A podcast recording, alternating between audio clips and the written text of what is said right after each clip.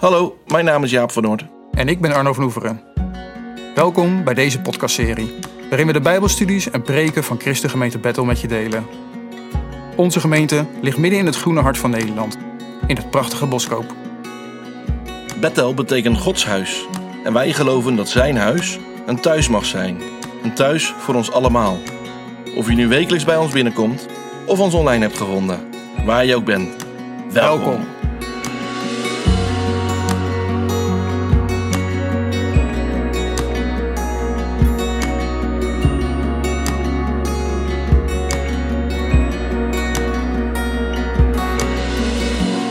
Vorige afleveringen hebben we gekeken naar enkele aspecten van gemeente zijn, volgens Handelingen 2. Daarmee hebben we het eerste deel van deze serie afgesloten. Voor we verder gaan met nog drie afleveringen, gaan we een paar vragen bespreken die uit de groep kwamen. Enkele grote thema's voor ons als Pinkstergemeente hebben we deze avond besproken. Eindtijd, tongentaal, dood met water en met de geest. En oh ja, hoe zit het met het bizarre verhaal over Ananias en Sapphira? Heb jij dat ook al afgevraagd? Let's find out.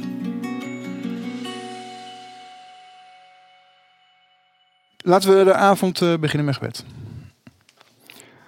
Trouw God in de hemel, Heer wil u danken voor deze avond. We willen danken dat we bij elkaar mogen zijn, dat we in uw naam samen mogen komen. Heer, en als we in uw naam samenkomen, willen we u centraal zetten. Op eh, deze avond, maar eh, ook op de andere avonden en momenten dat we met elkaar samen zijn. Heer, we willen in uw naam bijeenkomen. We willen u in het midden van de belangstelling zetten. Uh, u bent degene die er ook voor gezorgd heeft dat we bij elkaar kunnen komen. Dat we bij uw gezin mogen horen. Dat u naar deze aarde bent gekomen om voor ons te sterven. Dat u ons bevrijd heeft van de macht van de zonde, van de macht van de dood. Heer, en uh, ja, we zijn er gewoon heel wat dankbaar voor. Wat een geweldig iets is dat. En dat we dat ook elke keer mogen ervaren. Dat u onze Heer bent, dat u onze meester bent en dat we u mogen volgen. Heer, wil u daarvoor danken en uh, wil ook vragen of u deze avond wil zegenen. Wilt u bij ons zijn in wat we zeggen, in wat we doen, in wat we horen. Dat het mag afdalen naar ons hart, Heer. En dat het, uh, ja, dat het iets is wat ons uh, mag raken. In ons denken, in ons, in ons voelen, in ons handelen. Heer, wilt u dat zegenen. Dat bidden we u in Jezus' naam. Amen. Oké, um, les 5. Vraag- en reactieavond. Nou, jullie konden van tevoren vragen indienen. Dat is gedaan. Uh, zoveel vragen dat we ze niet allemaal kunnen behandelen vanavond. Dus dat is, uh, dat is aan de ene kant heel erg leuk, want dan hebben we wat te bespreken. Uh, maar aan de andere kant weer jammer dat we niet op alle antwoorden, vragen, antwoorden kunnen. Ja, vaak kom ik daar zelf wel. Dus ja. Ja, ja, ja. ja. Geef me de kans om mezelf te herstellen. Uh, dus dat is heel erg leuk. Ik heb absoluut de intentie voor de vragen, uh, de, ja, de vragen die zijn binnengekomen zijn om daar antwoorden op te geven later via de mail. Uh, als ik er wat meer tijd voor heb om er even voor te gaan zitten. Uh, dus dat, die intentie is er wel. Je kan ook nog steeds vragen stellen vanavond. maar in principe hebben we een vullend programma, denk ik. Dus, en, maar dat mag ook later, ook via de mail. Of ik hoop dat jullie daar gewoon al wat vrij voelen om dat te doen. Ehm, ik ga het eerste deel van de avond doen. Jaap gaat het tweede deel van de avond doen. We hebben dat uh, verdeeld met z'n tweeën. Uh, met het gevolg dat we een beetje kriskras door handelingen heen gaan. Uh, omdat we ook een beetje gekeken hebben wat vinden we zelf prettig. En wat vinden we, welke dingen vinden we bij onszelf passen. Dus we gaan niet chronologisch de handelingen heen of zo. Dus dat moet je maar eventjes voor lief nemen. Avond 5 van de 8. Dit werden nog gevraagd hoeveel avonden zijn het. Nou, acht avonden. Hierna hebben we er nog drie. Dus hier kan je zien, uh, dan gaan we het hebben over wonderen en ketenen, hulpeloze helden en getuigen zijn. Nou, dat spreekt allemaal voor zichzelf waar we het over gaan hebben dan. Oké, de eerste vraag. Um, Rijer heeft laatst uh, gesproken over de toespraak van Petrus aan het begin van de handelingen. In handelingen 2 zien we dat de Heilige Geest uitgestort wordt. Mensen die aanwezig zijn uh, die, uh, die gedoopt worden, vervuld worden met de Heilige Geest, gaan in tongen spreken. En de mensen, de bijstanders die dat zien, die zeggen van, hé, hey, wat gebeurt hier? Zijn die mensen dronken? Wat is hier aan de hand? En dan gaat Petrus een toespraak houden. En wat hij daarin doet, is dat hij een tekstgedeelte aanhaalt uit Joël. En we hebben het dan over handelingen 2, en ik lees even vanaf vers 14 tot en met 21. En vanaf, vanaf uh, vers 17 citeert hij Joël dus. Daarop trad Petrus naar voren, dat is dus uh, op, de, op de opmerking van, nou deze mensen zullen wel dronken zijn. Dan zegt Petrus, daarop trad Petrus naar voren samen met de elf andere apostelen. Verhief zijn stem en sprak de menigte toe. U, Joden en inwoners van Jeruzalem, luister naar mijn woorden en neem ze ter harte. Deze mensen zijn niet dronken zoals u denkt. Het is immers pas het derde uur na zonsopgang. Wat hier nu gebeurt is aangekondigd door de profeet Joël. Aan het einde der tijden, zegt God, zal ik mijn geest uitgieten over al wat leeft. Dan zullen jullie zonen en dochters profiteren. Jongeren zullen visioenen zien en oudere mensen dromen dromen. Ja, over al mijn dienaren en dienaressen zal ik in die tijd mijn geest uitgieten, zodat ze zullen profiteren. Ik zal wonderen doen, verschijnen aan de hemel boven en tekenen geven op de aarde. Beneden bloed en vuur en rook. De zon verandert in duisternis en de maan in bloed. Voordat de dag van de Heer komt, groot en ontzagwekkend. Dan zal ieder die de naam van de Heer aanroept, worden gered.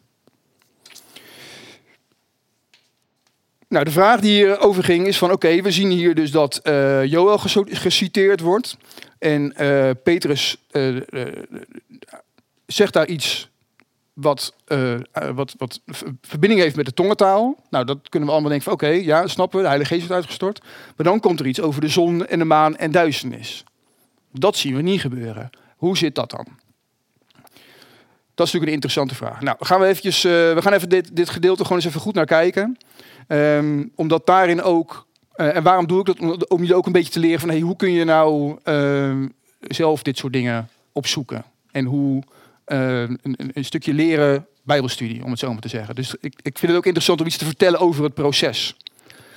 Nou, wat Petrus doet is dat hij Joel 3 vers 1 tot 5 citeert. Nou, als je dat opzoekt en je hebt de NBG of de herziene statenvertaling, dan is dat Joel 2 vers 28 tot 32. Dus de versnummering is daar anders. Dat is interessant, want dit is een best wel, uh, zeker de Pingsbeweging, het tekstgedeelte wat best wel aangehaald wordt. Omdat handelingen, dit gedeelte ook vaak in preken zo voorkomt. Dus mocht je nou voor de rest van je leven denken, hè, staat hier helemaal niet. moet je even in het andere hoofdstuk kijken. En dat is vooral als je de HSV of de MBG hebt. Die hebben dus een andere versnummering. Wat Petrus doet, is dat hij citeert als je dan gaat kijken naar het Oude Testament, je gaat dat tekstgedeelte opzoeken, je gaat het naast elkaar houden, dan zou het zomaar kunnen zijn dat je denkt van, hè, maar dat staat er helemaal niet. Er staat iets anders. Dat heeft, dat heeft met twee dingen te maken. In de eerste plaats, wat we vaak deden in het Nieuwe Testament, is dat ze citeren uit de Griekse vertaling van de Hebreeuwse Bijbel. Dat is die, die LXX. Weet je nog waar dat voor staat? Is dat nog iets van? Dat is, dat is het Romeinse getal 70. Dat verwijst naar Septuagint. En de legende is dat de 70 rabbijnen tegelijkertijd die vertaling hadden gemaakt. Nou, de historische betrouwbaarheid ervan uh, durf ik een heel groot vraagteken bij te zetten. Maar dat, dat is even het verhaal achter dat, dat 70. Het is dus een Griekse vertaling van, de, van het Hebreeuwse Oude Testament. Ongeveer geschreven derde eeuw voor Christus, geloof ik even zo uit mijn hoofd. Wat je in het Nieuwe Testament ziet, het Nieuwe Testament is in het Grieks geschreven. En als zij het Oude Testament citeren, doen ze dat vaak uit de Griekse vertaling. Als je dan in je eigen Bijbel gaat kijken en die, en dat is een vertaling van de Hebreeuwse Bijbel, dan, dan hebben ze dus een andere grondtekst gebruikt.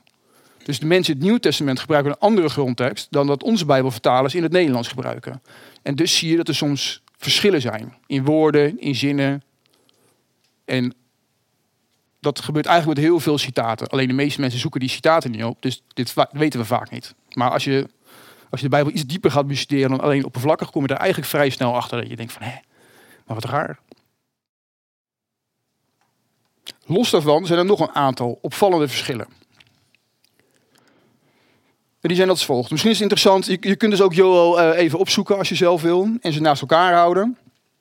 Um, maar wat je in ieder geval ziet is dat er drie belangrijke verschillen zijn. Peter zegt in zijn toespraak, in zijn citaat, in vers 2 vers 17, aan het einde der tijden zegt God. Maar als je in Joel kijkt, staat er, daarna zal zich dit voltrekken. Dus is het anders. In vers 18 voegt Petrus toe, zodat ze zullen profiteren. En in vers 19 voegt hij toe, tekenen. En tekenen in het Grieks, Grieks is semea. En dat is een best wel diep woord, wat gaat over... Het is iets anders dan alleen maar een wonder, maar het is een, een, het is een teken waarin een, een bepaalde diepgang zit om te verwijzen naar het grote plan van God, om het zo maar te zeggen. In het evangelie van Johannes kom je dit heel vaak tegen. Um, in het Nieuwe Testament sowieso, maar vooral Johannes is bezig met, met tekenen. Petrus gebruikt het woord ook. Dus uh, Petrus voegt dingen toe aan de tekst. Nou, Vinden we daar wat van? Doet de Heer Jezus ook. Judith vindt er niks van. Over het algemeen zie je dat in onze tijd, als we iemand citeren, zeker als je dat in literatuur doet, en zeker als je in de wetenschappelijke literatuur doet, dat het totaal ongebruikelijk is en ongepast is en zelfs uh, verboden kan zijn om iemand te citeren en daar gewoon dingen aan te passen. Want je bent dus gewoon niet aan het citeren, je bent gewoon eigenlijk de boel aan het aanpassen. Zoals het jou uitkomt, zou je dan kunnen zeggen. Nou, in onze tijd is het heel ongebruikelijk, maar in die tijd was het eigenlijk best wel heel erg gebruikelijk. En het is interessant als, de, als je dat ziet gebeuren, om je af te vragen, maar wat wordt hier veranderd? En wat was de context van dat tekstgedeelte van vroeger? En hoe wordt het dan in het Nieuwe Testament gebruikt? Want voor de mensen in die tijd was het eigenlijk ook een soort van bijbeluitleg. We zeiden van ja, in die tekst zie je dat gebeuren. Maar wat we nu zien gebeuren is net even iets anders. En daarom pas ik wat aan in de tekst. Men, het was een, was een gebruikelijke methode in die tijd. Mensen wisten dat ook, want als Petrus dit zo citeert, wisten alle Joden wisten die citeert Joel 3, vers 1 tot 5. Maar als je de MBG hebt, 2 vers 18 tot 32, dan wisten ze allemaal precies in hun hoofd. Je citeert het ook nog eens een keer verkeerd. Dat wisten ze allemaal. Niemand wordt er boos over, maar ze luisteren van hé, hey, je, je, je verandert iets. Wat verander je hier? Even zo uit mijn hoofd, ik weet, jammer dat ik even niet weet waar, maar Jezus doet het ook op een gegeven moment. Die citeert ook op tekst, maar die laat gewoon één hele regel weg. Als je dat opgezet, denk je, waarom laat hij die regel weg? Nou, hij, hij maakt daar een punt van. Voor hem is dat dan een onderdeel van zijn boodschap. Nou, Petrus doet dat hier ook. En wat je ziet is dat Petrus het, dit Bijbelgedeelte neemt en er dingen aan toevoegt.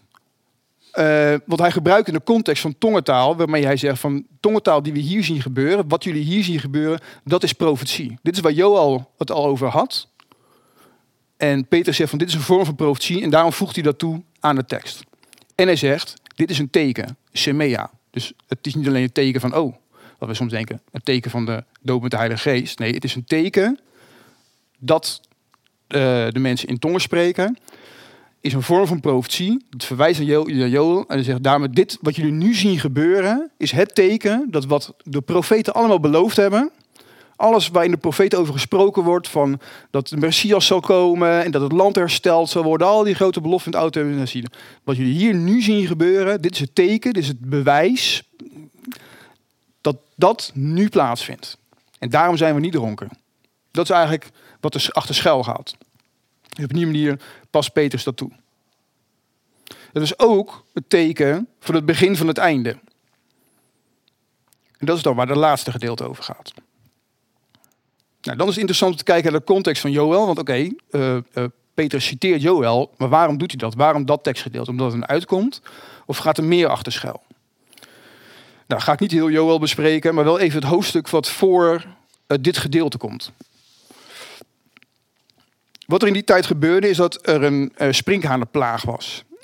Die het land kaal verrad. Nou, wij hebben nu ook een beetje droogte gehad. En de oogst zou misschien wel eens in gevaar kunnen komen. Eh, we hebben oorlog in Oekraïne. Daar komt heel veel graan en zonnebloemolie vandaan. Nou, ik weet niet of jullie uh, laatst de bloem hebben moeten kopen. Ik moest een keer bloem kopen van een marinewinkel. Geen bloem. Daar, dat, alle schappen bloem waren leeg. Ik zeg, nou, dat is ook raar. Dan denk ik, nee, is helemaal niet raar. Het is oorlog in Oekraïne. Daar komt superveel graan vandaan. Daarom hebben wij geen bloem. En daarom is de zonnebloemolie heel duur, bijvoorbeeld. Nou, dat is, maar ja, weet je, wat, wat is het probleem voor ons daaraan? Nou, oké, ja, de schap van de bloem was eventjes leeg. Nou, dan eten we deze week geen pannenkoeken. Weet je, dat is het gevolg. Het is allemaal niet zo groot. Hè? Het is allemaal niet zo dramatisch. Maar als de oogst in Israël kaal gevreten werd en er niks meer over was, dan gaan er gewoon ontzettend veel mensen dood. Dat was gewoon één groot drama, was dat. Is echt verschrikkelijk. Ik weet niet of je wel eens een filmpje toevallig op YouTube uh, of zo gezien hebt over een sprinkhanenplaag. Moet je eigenlijk gewoon eens opzoeken. Sprinkhanenplaag. Het is echt verschrikkelijk. Het is heel interessant om dit tekstgedeelte te lezen trouwens, dat hoofdstuk 2. Uh, eh, de, de, manier hoe dat beschreven wordt, als een, als een kudde uh, agressieve paarden die over het land heen rent. De manier hoe dat beschreven, denk zo. Dit, dit is de poëtische manier. Dit drukt uit wat het voor die mensen betekende in die tijd. Als het land kaal gevreten werd. Verschrikkelijk was dat. En Joel zegt, van dit wat er nu gebeurt is een waarschuwing van God. En de oproep is om ons te bekeren. Wij moeten ons bekeren. En als we dat niet doen, dan wordt ons land kaal gevreten. In het volgende gedeelte zegt Joel, nou, als wij ons bekeren, dan zullen we vergeven worden en zal God weer regen voor het land geven en er zal er weer graan en olie zijn. En wijn. leuk, graan en olie. We komen ook uit Oekraïne. Eigenlijk. Ja, dat zit ik me nou ineens eh, te bedenken. In het tekstgedeelte daarna zie je, dan zegt Joel dan, als we dat doen, zal er weer genoeg zijn. En wat God ook zal doen, is de schade herstellen die er geweest is. Joel zegt dus van, oké, als we dat doen, dan zal er eh, herstel komen van de schade. En eh, het onrecht zal vernietigd worden. Dat is de belofte die er gedaan wordt. En dan zien we dat er gesproken wordt over de dag van de Heer in Joel 3, vers 4. En dat haalt uh, Petrus ook aan in, in zijn gedeelte. En de dag van de Heer, is een hele interessante uh, term is dat eigenlijk, die je door het hele Oude Testament eigenlijk wel heen ziet komen. En het is een soort, ja, het is een beetje de, de, de, de Joodse Oud-Testamentse versie van, uh, van het einde der tijden. Elke religie heeft wel zo zijn, zijn, zijn oh, zo gaat de, eind, de, wereld aan een einde komen. In het, in het Jodendom sprak men dan over de dag van de Heer. Hield meerdere dingen in. In de eerste plaats de vernietiging van Gods vijanden. En Israël was dan heel snel van mening van, oh, dus onze vijanden. Ze gingen dat een beetje naar zich toe trekken. En het herstel van Israël. En Israël dacht dan heel snel, oh ja, herstel van zoals wij willen dat het is. Dus wat je eigenlijk zag bij het Joodse volk is dat ze een beetje nationalistische trekjes gingen krijgen. En dat ze dachten van oké, wat, wat uh, de, de, de, vijanden van ons zijn de vijanden van God. Terwijl het natuurlijk helemaal niet zo hoeft te zijn. Dat is heel interessant, twee tekstgedeeltes. Uh, in Jezaja en Amos, Jezaja 2 vers 12. Op die dag zal de Heer van de hemelse machten zich keren tegen ieder die hoogmoedig is en trots. Tegen ieder die zich verheven acht, ze worden vernederd. En Amos 5, vers 18 tot 20 staat: Wee degene die verlangen naar de dag van de Heer. Wat zal hij jullie brengen? De dag van de Heer? Duisternis, geen licht. Zoals wanneer iemand die vlucht voor een leeuw, aangevallen wordt door een beer. En dan, als hij een huis binnenvlucht en met zijn hand tegen de muur leunt, gebeten wordt door een slang. De dag van de Heer zal duisternis zijn en geen licht. Aarde donker, zonder glans. Nou, lekker. Um, en wat je hier ziet gebeuren is dat Jezaja en Amos dit schrijven in de context uh, uh, tegen Israël eigenlijk. Waarin Israël hoogmoedig werd. Waarin ze dus eigenlijk een weduwe en wezen slecht voor gingen zorgen. Juist datgene wat het belangrijkste was volgens de wet en, en Gods liefde. Dat ze dat gingen verachten. En dat ze zich wel veilig gingen wanen voor de, de vijanden om, om, om zich heen. Ze dachten van ja, wij kunnen doen wat we willen. Uh, want God beschermt ons toch wel. Wij hebben de tempel, God is in ons midden, dus ons kan niks overkomen. En je ziet bij de profeten dat ze zich omdraaien. Ze zeggen nee, het gaat niet alleen om jullie vijanden. Het gaat om iedereen die hoogmoedig is. En dat zijn jullie ook, zeggen eigenlijk Jezaja en de andere profeten dan. En dan wijzen ze naar de Joodse volk, Joodse leiders. Um, dus dat is helemaal niet per se een mooie dag. De dag van de Heer. Um, ja, als je bij God hoort, dan is het een mooie dag. Maar het is geen mooie dag voor als je niet bij God hoort. Nou, wat je dan ziet is dat de eerste gemeente, als je dan het Nieuwe Testament leest, dan zie je dat de eerste gemeente uh, dacht dat Jezus heel snel weer terug zou komen. Dat zie je eigenlijk ook uh, als Jezus dat zegt. Uh, vanaf dat moment in, in de brieven van Paulus zie je dat terugkomen. Van oké, nou, het moet heel snel gaan gebeuren eigenlijk dat Jezus weer terugkomt. Ze hadden eigenlijk nog het idee dat dat in hun leven zou gebeuren de uitstorting van de Heilige Geest was daar dus een teken van. Want Joël, die bindt het dus aan elkaar. Die zegt, als dit gaat gebeuren, dan komt het einde. Dus dat was ook heel logisch. Ook hier in, in, het, in het citeren van Joël door Petrus... wordt dat eigenlijk ook een soort van gezegd. Van ja, kijk, de Heilige Geest is uitgestort. Dit is het begin van het einde. De dag van de Heer komt eraan. Dus, dus het, is, het ligt heel erg voor de hand dat ze dat ook inderdaad dachten. De Geest is gekomen. Uh, er komt herstel voor het land. En dan komt er een oordeel over de vijanden. Uh, en al die dingen. Alleen wat we zien gebeuren in de praktijk is dat dat allemaal niet op één moment gebeurde. En dat was in het denken van, van het Joodse volk. Was de dag van de Heer was een dag. Dat was één moment. Dan gebeurde het allemaal tegelijkertijd. En wat je ziet nu in de kerk zien is dat we achterkomen van ja, het, het, gebeurt niet in één keer. En dat zie je wel vaker bij God. Dat wij denken dat God iets op een bepaalde manier gaat doen. En nou, raar politiepet. God doet het dan toch weer anders dan wel wij dachten. En dat heeft heel erg te maken met het spanningsveld van het Koninkrijk van God. Ik heb hier wel eens een preek over gehouden. En ik heb ook in, ik, dit, is een, dit is een heel belangrijk concept. Uh, dat we, wat altijd goed is om, om voor ogen te houden als wij nadenken over geloof en over God. Is namelijk dat met Jezus komst en sterven en opstanding, met de uitstorting van de Heilige Geest, is het Koninkrijk van God begonnen met door te breken. Alleen het volledig zijn van het koninkrijk van God. zover is het nog niet. We zitten zeg maar in die tussenfase. Een theoloog heeft wel eens uh, D-Day gebruikt uh, als voorbeeld. Uh, de landing van de geallieerden in Normandië. 6 juni 1944, dus gisteren, heel veel jaar geleden precies, toevallig. Wat er gebeurde in het verhaal van de Tweede Wereldoorlog. De, de, de geallieerde landen in Normandië. En uh, dat was eigenlijk een, een, volgens velen de, de, de, de beslissende slag in de Tweede Wereldoorlog. Vanaf dat moment kon Duitsland niet meer winnen. Ja, dat is niet helemaal waar in mijn ogen, maar daar gaat het even niet om. Maar dat is in ieder geval het beeld wat, wat heerst, zeg maar. Dat was D-Day. Maar het was niet V-Day, het was Decision Day, maar het was nog niet de Victory Day. Want Berlijn moest nog ingenomen worden. En Hitler moest nog afgezet worden. Nou, die schoot zichzelf uiteindelijk dood. Maar het was nog niet het einde. Maar het einde was wel in zicht. En in die tussentijd moest nog steeds gevochten worden. Er kwamen nog steeds mensen om. Er werden nog steeds steden gebombardeerd. Het was nog steeds verschrikkelijk in die periode. Hier in Nederland hebben we de, hongers, eh, de hongerwinter gehad, zeg maar. Dat was in die tussenperiode. Mensen die hier in Nederland wonen, die wisten eigenlijk van... het duurt niet lang meer. Gaat het nog voor de winter gebeuren? Gaat het na de winter gebeuren? Nou, misschien wel, misschien niet. Dat, die, dat gevoel, zeg maar, dat is de periode waar wij nu in zitten. Dus het gebeurt niet op één moment, die dag van de Heer, maar eigenlijk in twee momenten. Of tenminste, dat is waar het op lijkt. En daar verwijzen dan, naar dat einde van de tijd, daar verwijzen die zon, de maan en de duisternis naar. Nou, op zich is dat heel erg interessant als je gaat zoeken op zon en maan in het Nieuwe Testament. Uh, er zijn echt een paar tekstgedeeltes die, die daarin voorkomen. En je ziet dat altijd weer verbonden wordt aan het einde ja, aan het einde van de tijden, weet je wel. Dat wordt, dat, dat, daar zit er echt een link in. Je ziet het, uh, ik zal die teksten... Maar dat is in ieder geval nog iets wat moet komen. En de vraag is heel erg van, ja, moeten we dat nou letterlijk nemen? Gaat de, wordt, de, wordt de zon echt rood?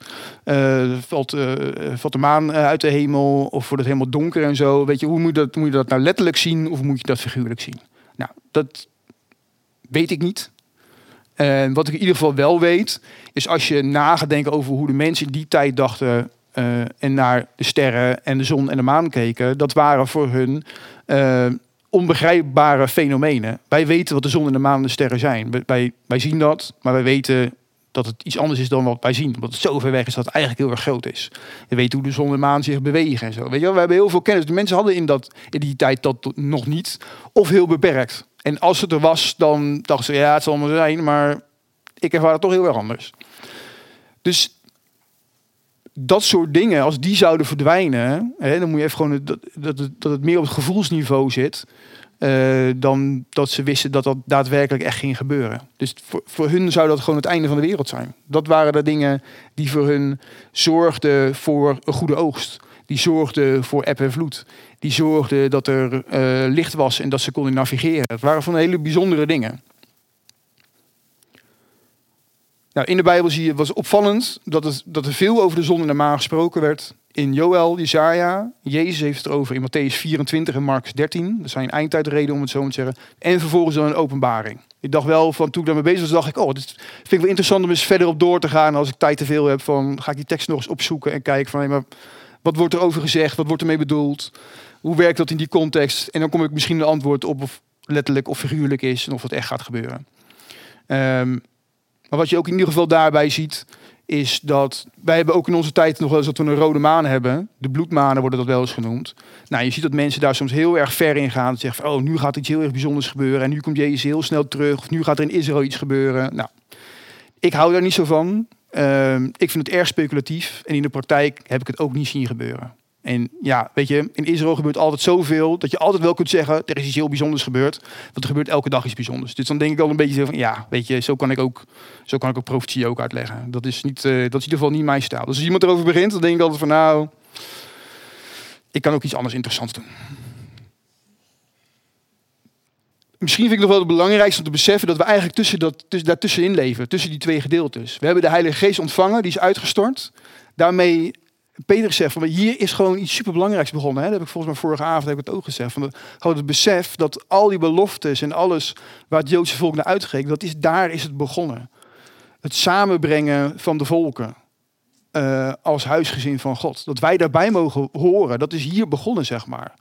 En dat we allemaal de Heilige Geest mogen ontvangen. Dat is daar begonnen, weet je wel. Dat is zo bijzonder. Als, het, als ik één ding uit wil halen, is het het eigenlijk dat ik mag beseffen dat ik de Heilige Geest ontvangen heb. En dat ik, dat ik onderdeel mag zijn van dat plan, dat verhaal wat hier eh, een nieuwe wending heeft gekregen. En beseffen van, oké, ik we staan aan het begin van het doorbreken van Koninkrijk van God, maar het is nog niet ten einde. Dus ik kan niet verwachten dat alles gaat zoals ik graag dat wil. Ik kan niet verwachten dat iedereen genezen wordt en alles maar goed zal gaan. Dat is, zover is het gewoon nog niet. We leven nog in die, we leven nog in die tussentijd. En daar is ook lijden. En- Maar daar gebeuren ook hele mooie en bijzondere dingen. Het is, het is en-en. Oké. Anneliese Vira. Dat is een interessant verhaal, hè? Ja, ja, ik heb hier echt... Ik heb, eh, wie heeft deze vraag gesteld? Eh, ja, Junit en Harry heeft ook iets over gezegd. Eh Anneliese Vira, handelingen 5 vers 1 tot 11. Wat we zien is dat ze verkopen land. Brengen de opbrengst bij eh, Petrus, maar brengen niet alles. Ze liegen daarover en ze vallen dood neer. Ja. Nou, dat was de vraag. Waarom is de straf zo heftig? Wat is de zonde tegen de Heilige Geest? En dan dus eigenlijk van, is dat wat hier gebeurt? Dat is eigenlijk wat ik nu... Dat had ik nog niet, dat ik niet opgevat zo, maar... En eh, Harry zei van, nee, dit verhaal doet me denken aan Jozua 7. Klopt dat? Ehm, nou, interessant. Stijlfiguren. We hebben het al eerder over gehad aan het begin. Inclusio en parallelisme. Inclusio is dat je aan het begin en aan het einde iets tegenkomt. Dezelfde woorden, dezelfde zinnen. En dat zegt iets over wat er tussen gebeurt. Parallelisme is dat iets herhaald wordt. En wat je hier eigenlijk ziet is een, een, een combinatie van parallelisme en chiasme. En een chiasme is eigenlijk een soort rijm. A, B, C, D. D, C, B, A. En zo ontstaat er een kruis. En in dat, in het midden, daar gebeurt iets belangrijks. Dat is eigenlijk het belangrijkste waar het hele gedeelte over gaat. Daar gaan we nu naar kijken. We komen om dit gedeelte heen twee opmerkingen tegen. In, in 2 vers 46 en 5 vers 42. En daar staat dagelijks in de tempel. Heel apart. Staat er twee keer. Dagelijks in de tempel kwamen ze bij elkaar, volgden ze onderricht. Hele opvallende zin. Wat gebeurt er nou tussenin? Na 2 vers 46 zien we eigenlijk een gedeelte wat je in vieren kunt knippen. In 3 vers 1 tot 10 vindt er een genezing plaats in de tempel. Vervolgens houdt Petrus een toespraak. Dan worden de gevangen genomen, dan worden ze ver- verhoord en worden ze weer vrijgelaten. Door de Joodse leiders. Dat heb ik er even expliciet bij gezet. En aan het einde van dit gedeelte zien we dat ze weer terugkomen bij de, bij de discipelen. En dat ze verbaasd zijn van wat er allemaal gebeurt. Eh, en zij zien eigenlijk, ze krijgen eigenlijk het inzicht dat dit, dat dit allemaal onderdeel is van Gods plan. Dat zij zich bevinden in het moment waarin de Heilige Geest wordt uitgestort. En eh, dat zij aan het begin staan van iets nieuws. Dat, dat, dat besef, dat, dat land. En zij gaan binnen, zij gaan God prijzen en de Heilige Geest wordt uitgestort. Dus ik heb hem maar even genoemd, de wijsheid van de leerlingen en de geest. Naar het einde van het gedeelte van deze twee, drie hoofdstukken komen we eigenlijk een vergelijkbaar iets tegen. Er vindt weer een genezing in de tempel plaats. De volgorde is iets anders. Er vindt weer een arrestatie en een verhoor eh, en een bevrijding plaats. Dit keer worden de apostelen niet vrijgelaten door de Joodse leiders, maar worden ze bevrijd door een engel die hen uit de gevangenis laat. En vervolgens zien we dat Petrus weer opnieuw een toespraakje houdt. En aan het einde daarvan komen de Joodse leiders bij elkaar en die zeggen, wat moeten we hiermee doen? We moeten ze vervolgen. En er staat Gamaliel op, een fariseer, schriftgeleerde, die zegt van, eigenlijk heel wijs, een, een, een hele interessante les voor ons ook. Als dit van God is, kunnen we het niet tegenhouden. Dus laten we dat niet proberen. Als het niet van God is, gaat het vanzelf over. Dus laten we maar niks doen. En dat vind ik eigenlijk zo mooi. Dat is dus eigenlijk iemand die hoort bij de Joodse leiders. Hè? Die hoort eigenlijk bij de vijand. En het lijkt erop alsof Gamaliel denkt, dat weet ik niet, hè? maar dan denk ik van ja, als dit meent wat hij zegt, stelt hij, de Joodse leiders stellen zich niet de vraag, is dit van God? Die, die merken dat het niet gaat zoals zij dat, dat, dat het niet gaat zoals zij dat willen. Dus ze zijn er tegen. Hun machtspositie komt in gevaar. Hun, hun, hun, hun hele status en alles wordt, dreigt kapot gemaakt te worden. Dus ze zijn er tegen. En Gamaliel denkt van ja, maar laat ik nou eerst de vraag stellen. Zou het misschien wel eens kunnen zijn dat dit van God is? En dat vind ik zo'n wijze vraag, vind ik dat. Ehm, dus daarom heb ik erbij geschreven wijsheid van Gamaliel. En zo zien we een soort parallelisme, wat de volgorde, waarvan de volgorde net niet helemaal klopt. En dat is typisch Hebreeuwse poëzie. Altijd Heel mooi gestructureerd en dan ergens klopt het net niet. Het is heel, ik, ik vind dat heel erg leuk. Uh, en dan daartussen zien we weer een gedeelte. Dus we werken eigenlijk een beetje naar het midden toe, hè, zie je. En er staat bij mij hoofdstuk 4, vers 32 uh, tot 5, vers 11. En daar valt ook dat verhaal van Ananias en Sapphira binnen. Het gemeenschappelijk bezit staat er bij mij boven. En wat we daar zien gebeuren, is misschien wel even leuk om voor te lezen. Handelingen 4 vanaf vers 32 tot 35. Allen die tot geloof kwamen, leefden eendrachtig samen. Geen van, hen, geen van hen beschouwde zijn bezittingen als zijn persoonlijk eigendom, want ze hadden alles gemeenschappelijk. Dan gaan we even terug naar die avond over Koinonia, waar Jaap het over gehad heeft. De apostelen bleven met grote kracht getuigen van de opstanding van de Heer Jezus en God begunstigde hen alle rijkelijk. Niemand onder hen leed gebrek. Wie een stuk grond of huis bezat, verkocht het, bracht de opbrengst aan de apostelen en legde die aan hun voeten neer, waarna het geld naar behoefte onder de gelovigen werd verdeeld. Dan ga je weer hier kijken naar de kern van dit gedeelte. Alles, hadden alles gemeenschappelijk en niemand leed gebrek. Dat, die zin, niemand leed gebrek, komt uit het Oude Testament. Als je gaat naar Deuteronomium 14, vers 22 tot 15, vers 18, dan gaat is het een gedeelte wat gaat over tiende, over het jubeljaar. En dat het bedoeld is voor de armen, voor de mensen die in slavernij terecht zijn gekomen omdat ze geen geld konden betalen, over de weduwe en wezen, dat er voor gezorgd moet worden en dat soort dingen. Dus het gaat over zorg voor de ander. En in 15 vers 4 kom je dan ook die zin tegen, uh, zodat niemand gebrek lijdt. En wat Lucas hier doet is eigenlijk verwijzing naar dit gedeelte. Nou, ik wist dat niet, mij was het nooit opgevallen, maar de Joodse mensen wisten dat wel. En dan vervolgens zien we eigenlijk twee voorbeelden van Barnabas, vers 36. Een van hen was Jozef, een leviet uit Cyprus, die van de apostelen de bijnaam Barnabas had gekregen, wat in onze taal zoon van de vertroosting betekent. Hij bezat een akker die hij verkocht, waarna hij het geld naar de apostelen bracht. Barnabas is het goede voorbeeld, Ananias en Sapphira zijn het slechte voorbeeld. Dat is eigenlijk dat je, als je het zo naar elkaar brengt. Nou, dan is heel interessant uh, dat er ook een oud-testamentisch voorbeeld is van Ananias en Sapphira. En dat lezen we in Leviticus. 10, vanaf 1, eh, vers 1 tot en met 3. Aarons zonen Nadab en Abihu deden gloeiende kolen in hun vuurbak en legden er reukwerk op. Maar het was verkeerd vuur dat ze de Heer wilden aanbieden. Vuur dat niet voldeed aan de voorschriften van de Heer. Een felle vlam kwam uit het heiligdom en verteerde hen, zodat ze daar in de nabijheid van de Heer stierven. Mozes zei tegen Aaron, dit bedoelde de Heer toen hij zei, door degenen die in mijn nabijheid verkeren, toon ik mijn heiligheid. Het hele volk maak ik getuige van mijn majesteit. Aaron zweeg. Dan in vers 8. Toen zei de Heer tegen Aaron: Jij en je zonen mogen geen wijn of andere, drink, andere drank drinken voor je naar de ontmoetingstent komt. Anders sterven jullie. Deze bepaling blijft voor jullie en je nakomelingen voor altijd van kracht. Jullie moeten onderscheid kunnen maken tussen wat heilig is en wat niet. Dus wat rein is en onrein. En de Israëlieten uitleg geven over alle bepalingen die de Heer bij monden van Mozes aan hen bekend heeft gemaakt. Dan in Leviticus 16 moet er een soort beschouwing hierop gekregen. Er staat na de dood van de twee zonen van Aaron die stierven toen ze in de nabijheid van de Heer kwamen, zei de Heer tegen Mozes: Zeg tegen je broer Aaron dat hij niet zomaar de heilige ruimte achter het voorhangsel mag binnengaan. Het zou zijn dood betekenen. Want daar, boven de verzoeningsplaat die op de ark ligt, is de plaats waar ik in een wolk verschijn. Wat, wat uh, Nadab en Abihu deden, priesters gingen het heiligdom binnen, gingen het heilige der heiligen binnen. Of ze waren dronken, of ze gebruikten verkeerde kolen. Dat weten we niet. Het zou allebei kunnen. Maar wat er gebeurde is dat zij eigenlijk de heiligheid van God betraden, terwijl ze zelf niet rein waren. En dat moeten ze met de dood bekopen. En het is een, het is een, is een, dit staat aan het begin van dat hele priesterschapsgebeuren. En is eigenlijk gewoon een voorbeeld. Zoals wij soms ook een voorbeeld moeten stellen als er een situatie is. Dan moet je, soms moet je een voorbeeld stellen door even streng op te treden. Zodat daarna iedereen weet van oké, dit is echt serieus. Wat God die zegt over reinheid en onreinheid reinheid en mijn heiligdom. Dat is echt een serieuze boodschap. En dat is eigenlijk wat je hier ziet gebeuren. Wat opvalt in de hierin, is dat heel vaak tempel en Joodse leiders voorkomt.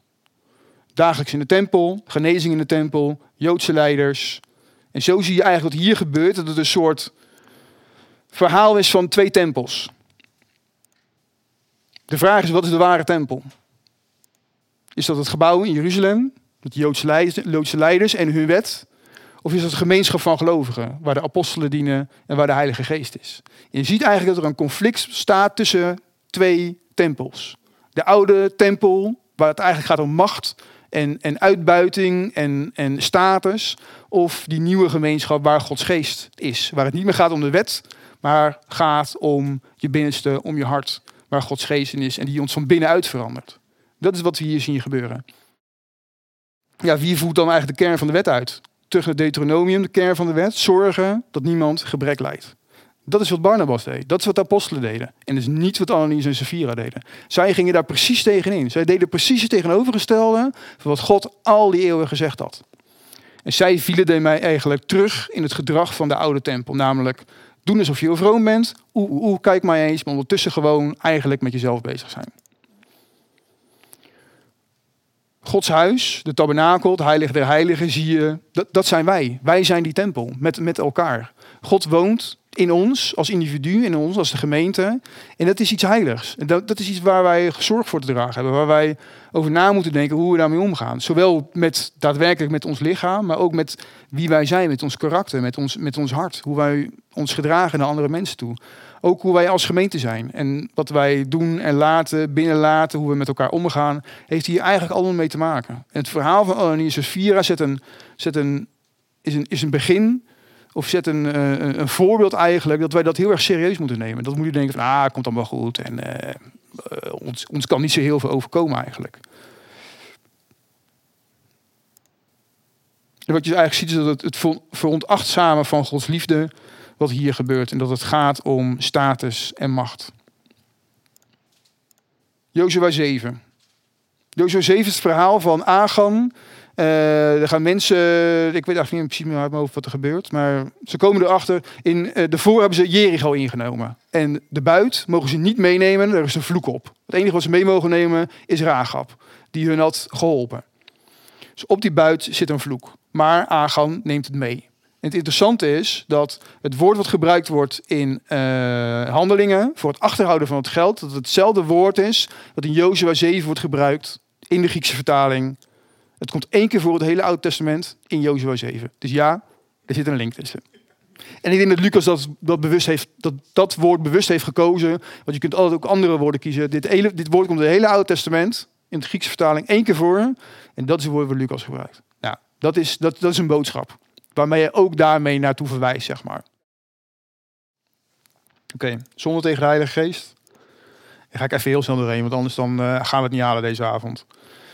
Ehm, in deze teksten haalt Jezus het aan en zegt zonde tegen de Heilige Geest. Als je dan kijkt van wat doet de Heilige Geest? De Heilige Geest overtuigt van zonde. En uh, ik geloof dat de zonde tegen de Heilige Geest is dat je eigenlijk doelbewust gewoon denkt van ik doe lekker toch mijn eigen zin. Terwijl de Heilige Geest overtuigt van zonde. Je weet dat het niet goed is, maar dat je er toch gewoon willens en wetens mee door blijft gaan. In de Bijbel zie je, en ook in dat gedeelte van Petrus en, en Joel, dat als wij ons bekeren, dan is er vergeving. Dat zegt uh, in Johannes 1 vers 9 ook. Als wij onze zonde beleiden, dan, dan vergeeft God dat gewoon. Ook al doen we het honderdduizend keer. Het gaat niet om hoe, hoe vaak we het doen. Het gaat niet om hoe erg het is. Het gaat niet om hoe, goed wij of, of hoe slecht wij zijn. Het gaat erom dat, dat we oprecht uh, zondebesef hebben en dat we dat beleiden. En dat we ons bekeren. En dat betekent niet alleen dat we het niet proberen te doen, maar dat we ook, ik geloof ook dat, dat heeft te maken met je oprecht op zoek gaat naar van waarom doe ik het elke keer? Hoe, hoe komt dat? En dat je op zoek gaat naar misschien naar diepere oorzaken. Dat hoort voor mij ook bij bekeren. Niet alleen maar zeggen van ja, kan er niks aan doen hoor. Uh, nou, we kunnen allemaal, zo ben ik dan geboren, of ik heb vroeger dat en dat meegemaakt, of uh, uh, demonen of hormonen. Hè, dat geven we heel makkelijk, hormonen, mormonen. Ook, ja.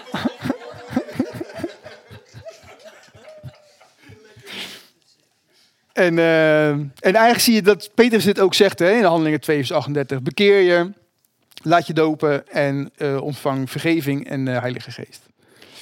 Dus ik, ik, geloof niet dat het gaat om een specifieke zonde. Dat zag je in de, in de, in de kerkgeschiedenis wel. Dat er bepaalde zonden waren die onvergeeflijker waren. Als je dat deed, nou dan kon je niet meer vergeven worden.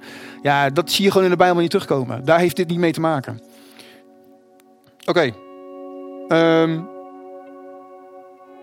koffie. Anders dan uh, heeft Jaap niks meer. Ik heb nog een heel verhaal, maar...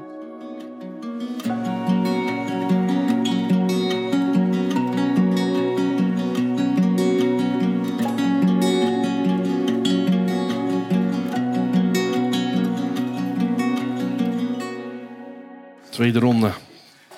Mooi is als je als tweede aan de beurt bent. Dan kan je nog terugkomen op het eerste gedeelte. Dus als jij aan het eind van de avond nog wat wil kwijt wil, voel je vrij. Arno. zijn ehm, gewoon drie dingen die ik, die, ik, die ik mooi vond om nog even met jullie te delen. Ehm, omdat ze voor mij wel hielpen om, om, om eh, dingen die we net besproken hebben ook een stukje te plaatsen uh, te begrijpen. Het eerste gaat over de begrippen de nieuwe eeuw. Wat veel gebruikt wordt in de Bijbel voor de nieuwe tijd. Uh, hoe het vertaald wordt. En wat ik niet wist was dat in oude koninkrijken werd een regeerperiode van een koning vaak een eeuw genoemd. Hoe lang die ook leefde.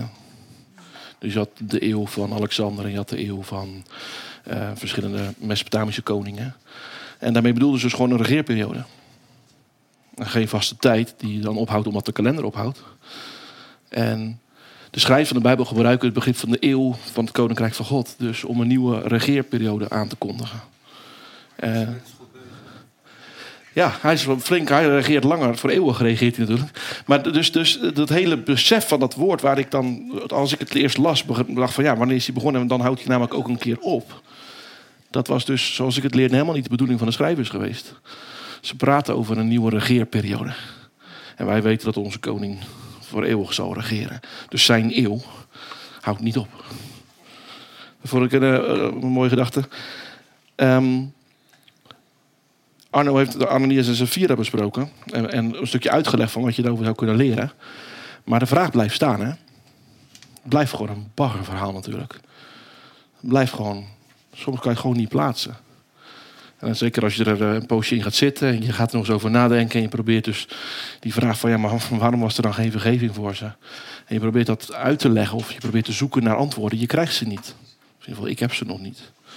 En er zijn meer verhalen in de Bijbel. Ik had net even met uh, André over. Wat zei jij nou? Nog zo'n verhaal? Oh ja, over die man die die ark tegenhoudt... omdat die ark anders van die kar valt. En dan ook neervalt, dood neervalt. En we, we, we kunnen er dan niks mee. En dat is denk ik onderdeel van het niet begrijpen.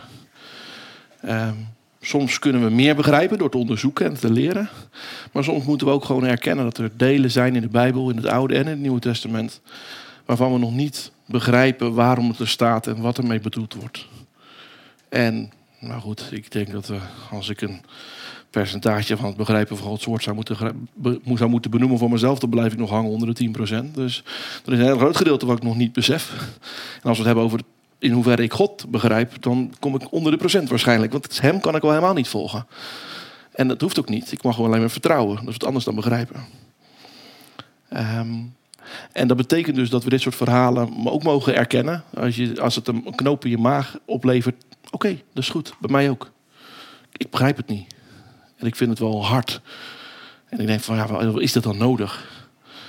Um, en daar heb ik het gelaten. En dan uh, kijk ik naar heel veel andere verhalen. Kijk naar de grote lijn van de Bijbel. En het verhaal wat daar verteld wordt. En dan vind ik hoop. En dan denk ik, het is goed. Um, er zijn heel veel verhalen over mensen die ongelofelijke schandalige fouten maken. En waar God heel genadig en liefdevol voor is. Dus ik kan ze soms niet rijmen. En dat is denk ik gewoon waar we mee moeten dealen als mensen. Um, het laatste wat ik. Uh, maar misschien ga ik even wisselen. Nee, het laatste wat ik wilde benoemen is. We hadden het net over dat uh, verhaal van Joshua 7, waarin dat woordje achterhouden wordt gebruikt. En dat deed mij weer denken aan wat Laura een aantal weken geleden het thema wachten gebruikte. Uh, waarin ze vertelde het wachten op de Heilige Geest is niet passief, maar uh, heeft ook gewoon te maken met een leven waarin je afwacht van God. En voor mij is dat een, een, een, een van die zaadjes die in de Bijbel wordt geplant en die wordt gecultiveerd en waar dan uiteindelijk een oogst uitkomt en die in Jezus dan volmaakt wordt, is dat woordje wachten. Daarom vind ik het zo mooi dat in, uh, in handeling ook staat dat ze moesten wachten op de Heilige Geest. En dat deden ze. Want wat we zien in de Bijbel is dat God per definitie vanaf het begin ons wil zegenen. Dat is zijn bedoeling. Zo is hij de wedstrijd ingegaan. En wat er vervolgens gebeurt is dat wij kiezen ervoor om dingen te pakken, omdat wij denken dat het goed is. Zo het, die woorden worden gebruikt. En ze zagen dat het goed was en zij namen het. En dat zien we in de hof. Dat zien wij op andere momenten in de Bijbel. Je ziet verschillende plekken. God doet een belofte aan Abraham. Je krijgt een, een nageslacht. En Abraham besluit om het zelf te regelen, omdat het te lang duurt. En dat, op het moment dat je daar bewust van wordt door de Bijbel. En dan ga je zien hoe vaak mensen dingen doen. omdat ze menen dat, dat ze het verdiend hebben. Dat het hun aandeel is. En ze pakken het en ze maken wat kapot. Wat ze niet meer zelf kunnen herstellen.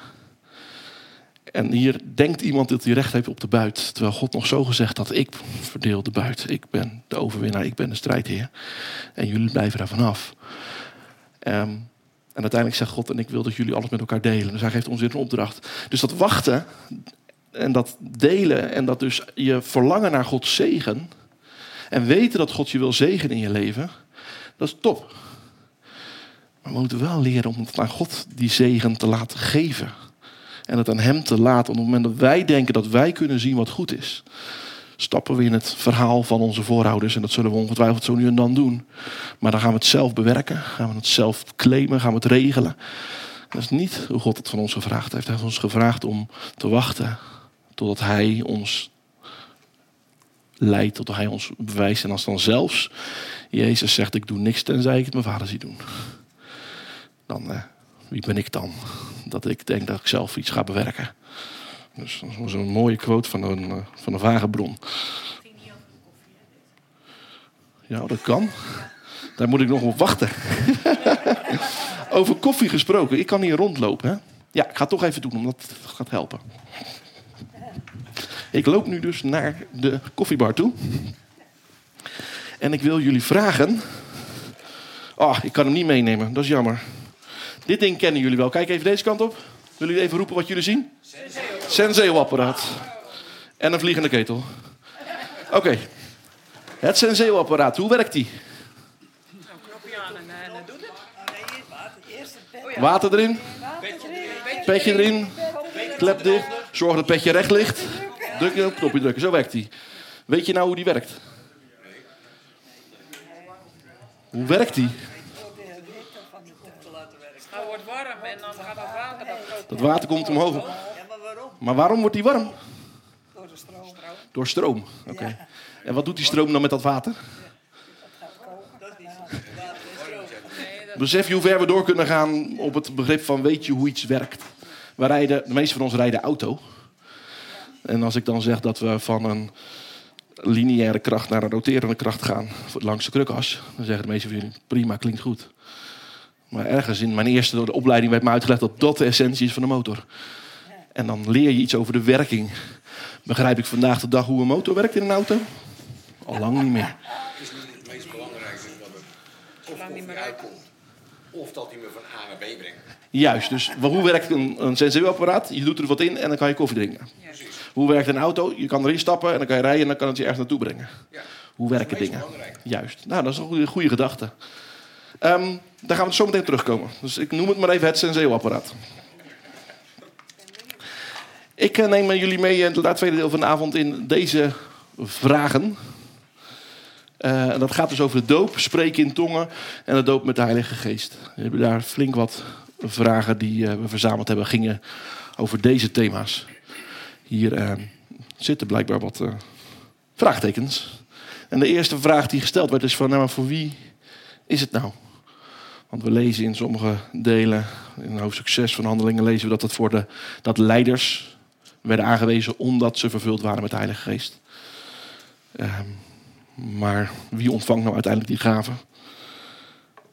Andere vraag is dat we vaak lezen dat de klanktaal wordt gezien als een bewijs dat je vervuld bent met Gods geest. Is dat zo? En ik denk dat daar dan de vraag achter zit dan, wat zegt dat dan als ik geen klanktaal of dat in tongen spreken niet als gave heb? Ehm, de volgorde waarin er mensen tot bekering komen, gedoopt worden ehm, en weer eh, en de vervulling van de Heilige Geest meemaken. Eh, is daar een volgorde die ehm, zoals het hoort, zoals het is? Of is dat eh, of niet? En het laatste is dat we lezen dat wie gedoopt wordt, verlost is. Is doop een voorwaarde om verlossing te ontvangen? Nou, die kunnen we overslaan. Dat is toch de laatste, dus mocht het weten, dan kunnen we gewoon naar, naar eh, Jannie luisteren. Heerlijk. Oké, voordat we die vragen gaan induiken, ehm, een stukje oriëntatie. Arno heeft het ook al een beetje gezegd, maar ik ga het nog herhalen. Ten eerste, de vragen die je stelt zijn, waren wel super duidelijke en wel, eh, wel doordachte vragen. Hè? Want je leest een tekst, je ziet die tekst, je benoemt hem en je zegt: hé, hey, wacht even. Als dat hier zo staat, wat betekent dat dan? Dus het zijn scherpe vragen, relevante vragen. Ehm, we hebben jullie uitgenodigd om die vragen te stellen. Dus ik kan u moeilijk zeggen, ja, waarom stel je die vraag? Want we hebben jullie uitgenodigd, dus laat dat duidelijk zijn. Eh, en dat maakt wel dat we nu dus een thema induiken. Eh, waarvan ik ten eerste een aantal... Ik zou ten eerste willen zeggen... Als we de Bijbel lezen en we kijken naar een verhaal... Als we de handelingen lezen... Dan is het prettig om een onderscheid te maken tussen... Welk verhaal wordt er verteld... En wat wordt er verteld. Dus soms... Dus in dat vers kom je met een vraag te zitten... Dan doe je een stap achteruit en dan vraag je je af... Gaat dat verhaal hierover of gaat dat verhaal niet hierover? Is het onderwerp van het verhaal... Welke boodschap wil de schrijver mij geven? En welke informatie krijg ik erbij? Tegelijkertijd moeten we leren om de Bijbel nauwkeurig te lezen. En zit die boodschap soms dus in details. Dat betekent dus dat je regelmatig een detail induikt. En erachter kunt komen, oeh, het was dus zeker relevant. Het was sterker nog, het was bepalend voor dit verhaal.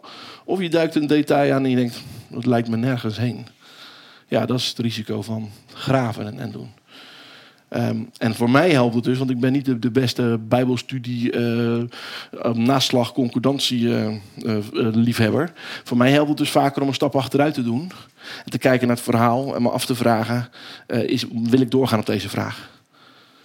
Is dit dus de vraag die hoort bij, bij de boodschap? Of is het sidequest, zou je kunnen zeggen, een, een, een pad ernaast? En dan hebben we nog, en daar hadden we net even met de Senseo-apparaat over, dat de Bijbel is geschreven en bedoeld om te lezen, opnieuw te lezen, met de kennis van het laatste boek weer aan het eerste boek te beginnen. Te ontdekken dat er inderdaad repeterende woorden in zitten. En dat is bedoeld om jou te laten ontdekken wie God is. Om, om een stukje wijsheid te ontwikkelen.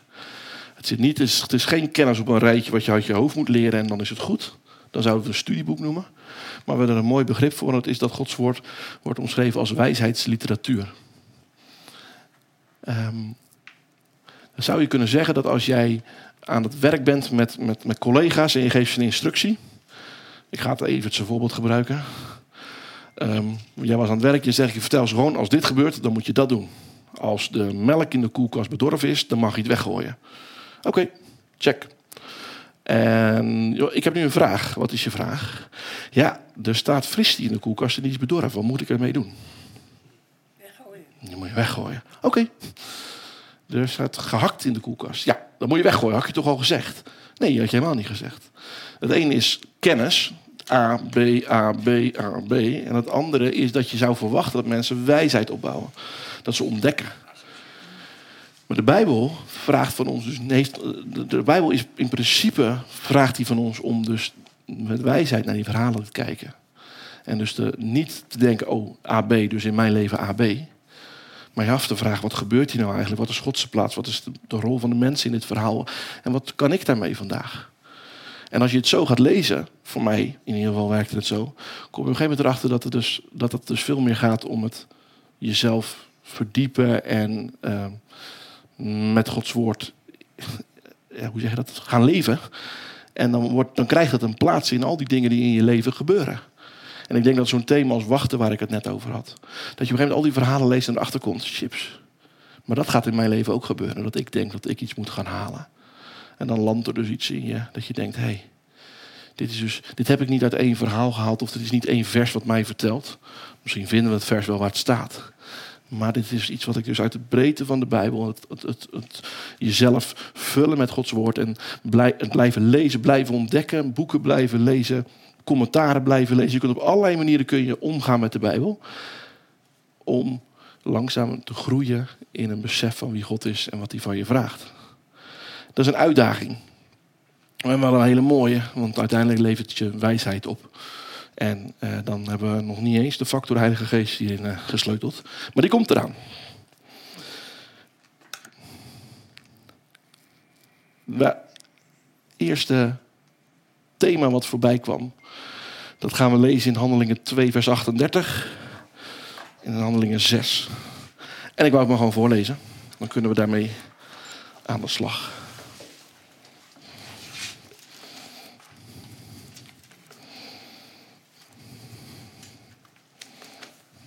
Handelingen 2 vers 38, die zouden jullie aan moeten zien komen. Hè? Zijn we al een poosje geweest. Wie was dat? Eh, dit is het antwoord op ehm, de toespraak waar ehm, Arno net eh, over gesproken heeft van Petrus. En dan begin ik in vers 37.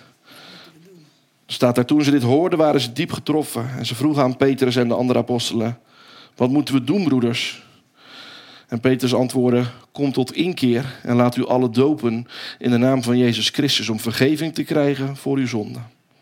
Dan zal de Heilige Geest u geschonken worden. Want voor u geldt deze belofte, evenals voor uw kinderen en voor allen die ver weg zijn en die de Heer onze God tot zich zal roepen. Dan gaan we gelijk door naar 6, vers 3, 5. Iemand van jullie bracht deze tekst aan en zei, daar staat namelijk dat eh, eh, de apostelen zijn met elkaar in gesprek en ze zien dat er, ehm, dat er meer leiding in de gemeente nodig is. En dan zeggen ze, kies daarom broeders en zusters uit uw midden zeven wijze mannen die goed bekend staan en vervuld zijn van de geest. Aan hen zullen we deze taak opdragen. Terwijl wij ons zullen wijden aan het gebed en aan de verkondiging van het woord van God. En alle leerlingen stemden met in met dit voorstel. Ze kozen Stefanus, een diepgelovige man die vervuld was van de Heilige Geest. En verder ook Filippus, Prochorus, Nicator, Timon, Parmenas en Nicolaus en een proseliet uit Antiochië. Hier werden we gewezen op de opmerking dat ehm, Stefanus specifiek wordt genoemd dat hij vervuld is met de Heilige Geest. En de rest krijgt die titel niet mee. Wat moeten we daarmee, was de vraag. Gaan we naar 8 vers 15. We beginnen even bij vers 14. Toen de apostelen in Jeruzalem hoorden dat de inwoners van Samaria het woord van God hadden aanvaard, stuurden ze Petrus en Johannes naar hen toe. Nadat ze waren aangekomen, baden ze, ook, baden ze dat ook de Samaritanen de Heilige Geest mochten ontvangen. Want deze was nog op niemand van hen neergedaald. Ze waren alleen gedoopt in de naam van de Heer Jezus. Na het gebed legde Petrus en Johannes hun de handen op en ze ontvingen de Heilige Geest. En dan gaan we nog naar hoofdstuk 10, vers 44. Dus het, eh, de volgende toespraak van Petrus weer. Hè? En daar staat vanaf vers 44. Terwijl Petrus nog aan het woord was, daalde de Heilige Geest neer op ieder die naar zijn toespraak luisterde. De Joodse gelovigen die met Petrus waren meegekomen, zagen vol verbazing dat ook niet-Joden het geschenk van de Heilige Geest ontvingen. Want ze hoorden hen in klanktaal spreken en God prijzen. En toen merkte Petrus op: wie kan er nu nog weigeren dat deze mensen met water te dopen, nu ze net als wij de Heilige Geest hebben ontvangen? En hij gaf opdracht hen te dopen in de naam van Jezus Christus. Daar ze vroegen hem om nog enkele dagen bij hem wilde blijven. Oh, dat is een mooie zin. Daarna vroegen ze hem of hij nog enkele dagen wilde blijven. Vier teksten die gaan over bekering, doop en de vervulling van de Heilige Geest. Vier teksten waar jullie vragen over hadden. En vier teksten die niet één en dezelfde lijn laten zien van hoe de Heilige Geest werkt.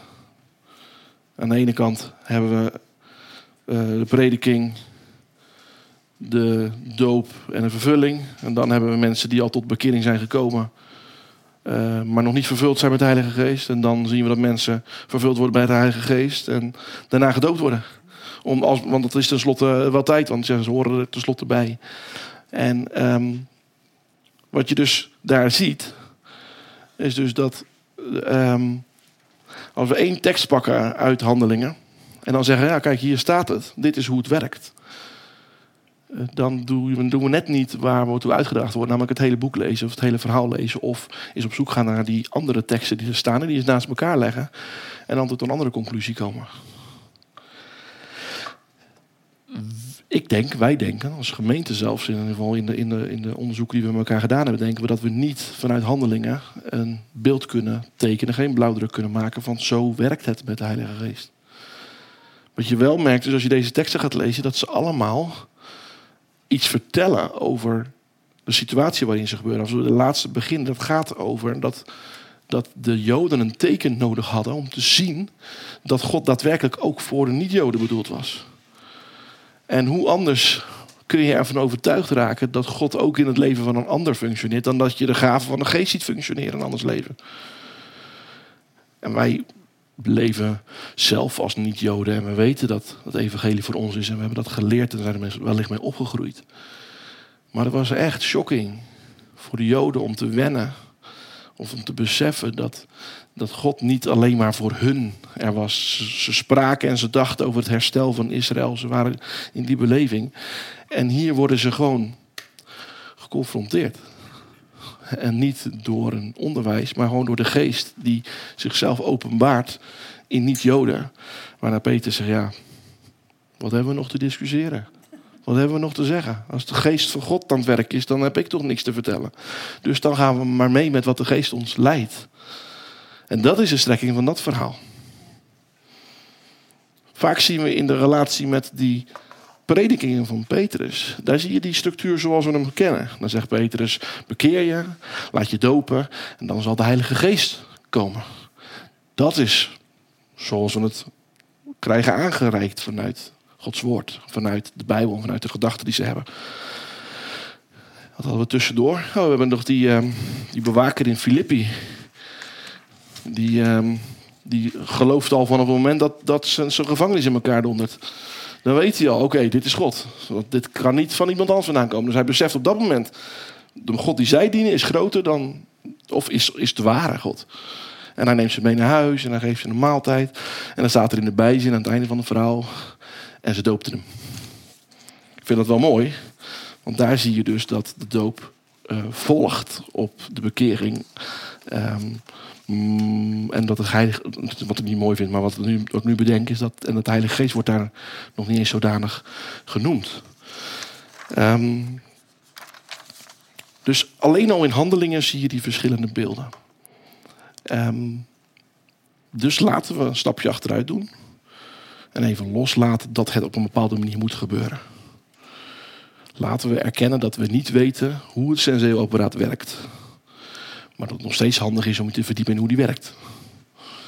En er zal echt geen. Het zal altijd hetzelfde blijven functioneren. Maar als het product ingewikkelder wordt, dan moeten we gewoon erkennen dat we niet weten hoe het werkt.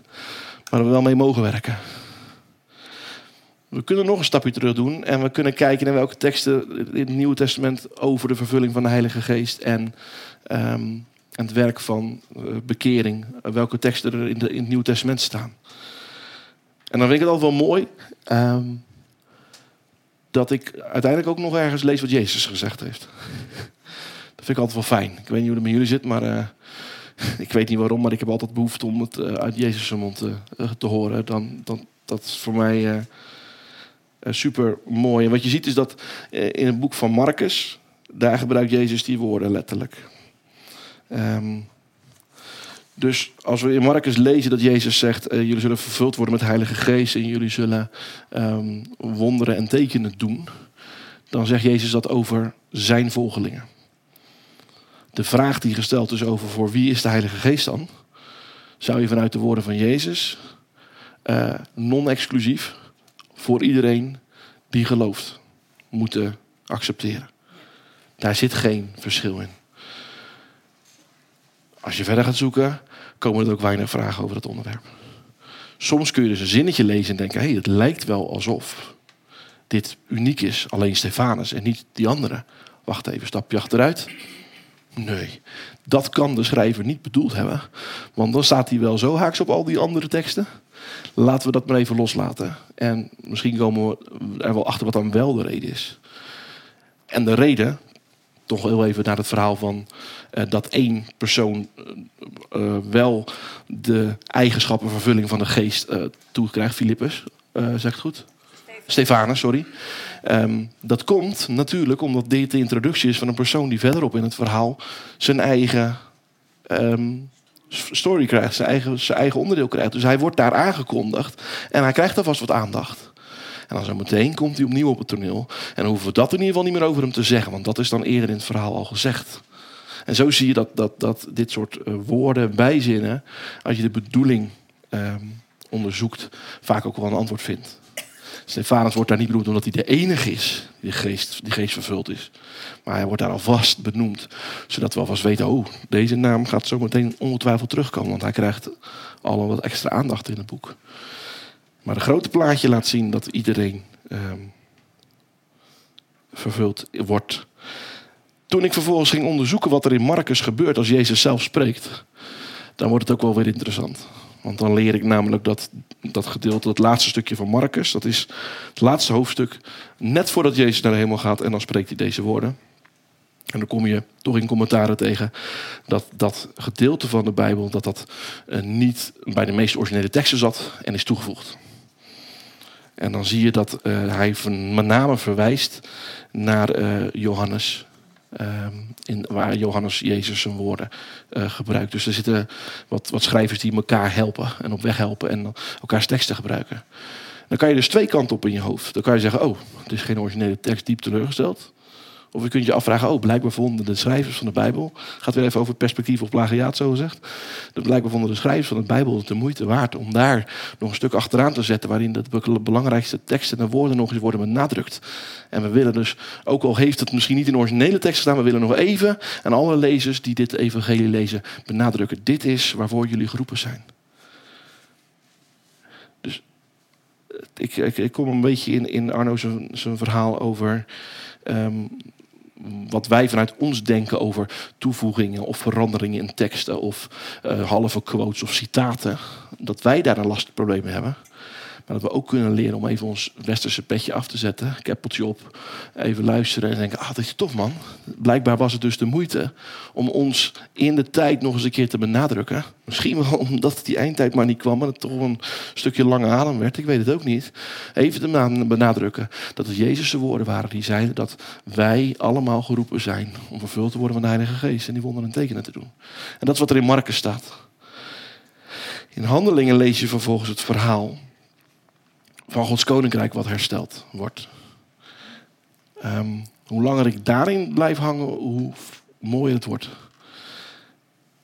Um, want dat begin van die nieuwe eeuw, het begin van Jezus' koningschap, is ook het einde van een aantal dingen.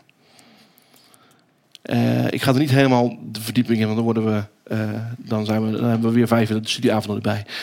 Het punt dat ik zou willen benoemen is dat alle woorden en alle taal die gebruikt wordt om de bovenkamer te beschrijven met de wind en het vuur en alles wat daar gebeurt, verwijst allemaal naar de, de tempelvervulling. Zoals God die uh, in eerste instantie in de tabernakel en later in, uh, in, uh, in Jeruzalem de tempel vervulde met zijn aanwezigheid. Die kennen we. Ik kwam ook een, een, een bijbelleraar tegen die de talen die gesproken werden, uitlegt. Hij zegt, het is fascinerend om te zien dat er in Jeruzalem 70 volken aanwezig waren. Dat God in het begin van de Bijbel 70 volken verspreidt over de aarde. In Babel ze allemaal uit elkaar trapte. Zegt vanaf nu zijn jullie elkaar vijanden en begrijpen jullie elkaar niet meer. En vervolgens in handelingen zegt en nu versta je elkaar weer wel. Dus God herstelt niet alleen Israël met Pinksteren, maar hij herstelt ook alle volken en de communicatie tussen al die volken die hij ooit verspreid heeft in Babel. Die brengt hij weer bij elkaar in handelingen. Dus het is een, een, een herstel van de, het verval van Gods schepping, wat we in Genesis lezen, wat in handelingen plaats krijgt. En dan, en dan zie je dus dat het resultaat van het herstel, dat is de tekst waar we de afgelopen weken in gezeten hebben, dat is zegen en groei. Waar we op wachten en waar God uiteindelijk mee komt. En dat is precies de belofte die God vanaf het begin al gegeven heeft. Dat hij zegt, bevolkt deze aarde. Ik denk nog even aan het feit dat God zijn adem blies op Adam. En dat Jezus zijn adem blies op de discipelen. Dat je gewoon beseft dat dit is, dit is het begin van, van de eeuw waarin, waarin wij nu leven. Het begin van Gods regering. Ik leef in een bijzondere tijd. En ik kijk niet vaak vooruit naar hoe gaat het aflopen. Ik kijk vaak achteraf en denk, moet je kijken waar ik, ben, waar, waar ik deel van ben. Ik wil begrijpen wat dat betekent voor mij. Dat ik in de tijd leef dat God zijn koninkrijk heeft hersteld. En dat ik dus deel ben van zijn opdracht, van zijn wereld. En als je daarin verdiept, dan kom je, eh, kom je dat, dat, thema in handelingen 2 en verder gewoon tegen. Wat je ook ziet, is dat in 2 Korinthe vervolgens ehm, Paulus zelf uitgebreid de werking van de Heilige Geest en de werking van de tongentaal gaat bespreken. En dus, dus we hebben Jezus die het ons belooft. We, hebben, we zien dat waarom het is. Het is dus bedoeld om Gods koninkrijk te gaan bouwen. En vervolgens zien we dat in 2 Korinthe. De meeste teksten die gaan over tongentaal en het spreken in de geest. Die worden in Korinthe naar voren gebracht. En daar zie je dat, dat, dat de bedoeling van deze taal, de bedoeling hiervan is dat het, uh, dat het de gemeente dient en dat het ons dient. Ik kan dat nu niet gaan verdiepen. Wat ik zie is dat er dus een, een, verhaal zit in, um, in de Bijbel wat gaat over het werk van Gods geest. Dat wij daarin, dat de, um, dat de zegen van God bedoeld voor, niet bedoeld is voor een leider of een persoon, maar bedoeld is voor de mensheid. En daarmee de adem van God bedoeld is voor de mensheid. En dat zijn wij. Los van de vraag waar je staat en wie je bent. God heeft niet een plan met een select groepje discipelen. God heeft een plan met de mensheid. En ik sta daar niet centraal in. En niemand staat daar centraal in. Alleen God staat daar centraal in. Dat thema van de adem van God, dat uh, is compleet verweven met het thema van de wijsheid.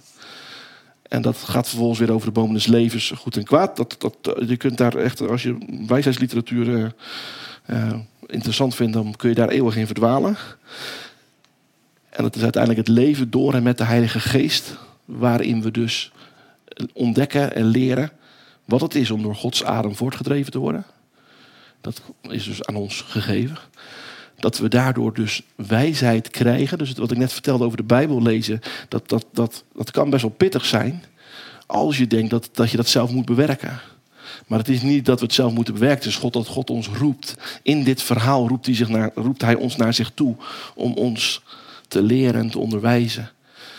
En uh, vervolgens weten we dus dat, uh, dat we dat niet, niet doen vanuit goed en kwaad. Niet door zelf te pakken.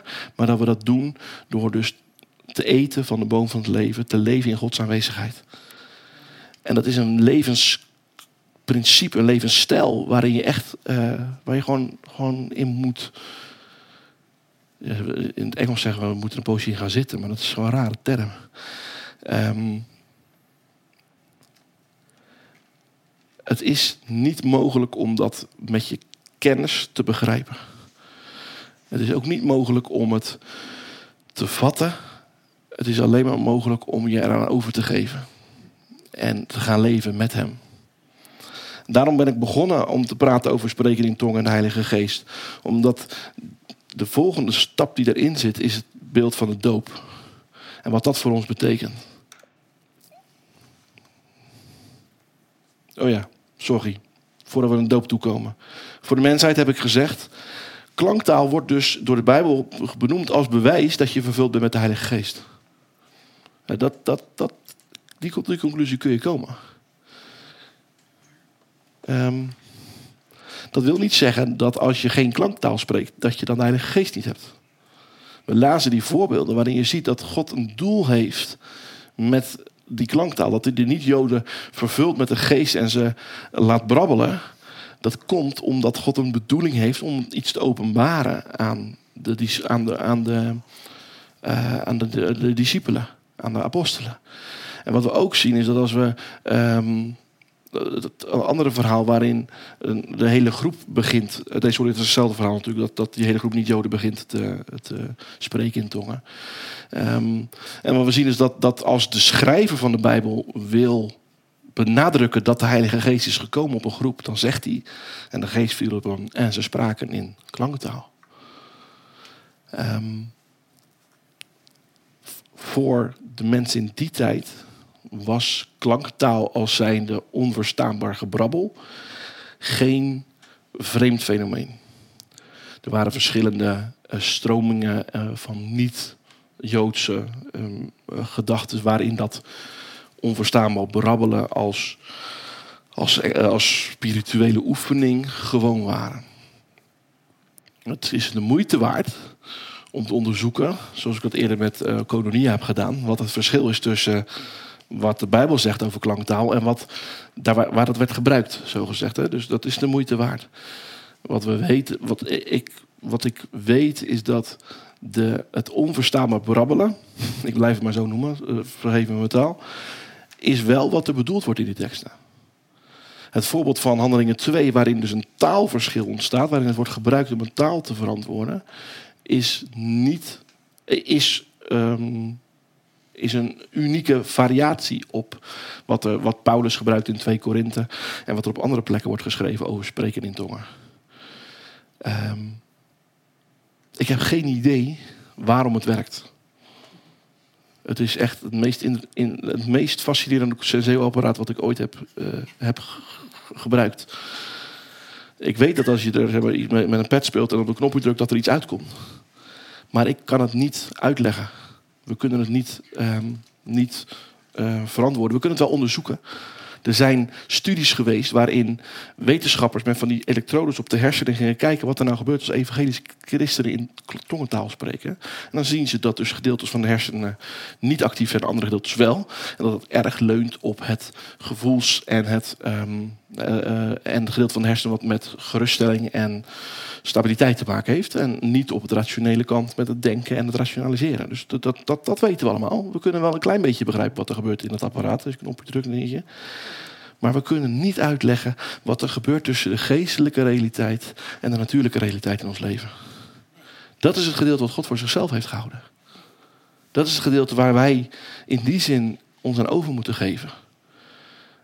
En dit is, een, dit is in. in ik, ik, vind dat, ik ben graag. Ik wil graag begrijpen. Ik wil graag dingen vatten. En als ik het kan begrijpen, dan deel ik het ook graag uit. Ehm, ik heb moeten accepteren dat in heel veel aspecten van de Bijbel, dan heb je het ook over ehm eh, plaatsvervangend eh, zondebok, eh, bloed, functie van bloed en al dat soort thema's, dat ik niet begrijp waar nou het rollenspel of het, of het, het figuurlijke ophoudt en het geestelijke, letterlijke realiteit begint. Ik weet het niet. Maar volgens mij zijn we geroepen om elkaar te getuigen wat God in ons leven doet. En als jij vragen hebt over wat dat nou is, oh, tongentaal, en hoe dat functioneert en waarom het wel of niet functioneert, zou ik je willen uitdagen om in gesprek te gaan met iemand die dat wel gebruikt. En gewoon te vragen, maar wat, hoe werkt dat dan en waarom doe je dat? Als dat je te veel energie kost en je bent eigenlijk al klaar met het thema, het enige wat ik van je zou willen vragen is, geef God niet op. En zoek een weg. En, en zoek een weg om jou, jouw leven met God te leiden. Want de Bijbel vertelt in ieder geval heel duidelijk dat tongentaal een onderdeel is van ons geestelijk leven. Maar de Bijbel vertelt niet dat wij geroepen zijn om tongentaal te spreken. Die vertelt dat wij geroepen zijn om zijn boodschap te verkondigen en de wereld te, te, te, te zorg te dragen. Dus we moeten niet de middelen waarmee wij uh, God dienen verwarren met het doel waarvoor we God dienen. Dus het zijn uh, tongentaal en andere gaven zijn middelen die God ons geeft. Maar ze zullen, ons nooit, ze zullen nooit ons doel worden waarom wij door God geroepen zijn.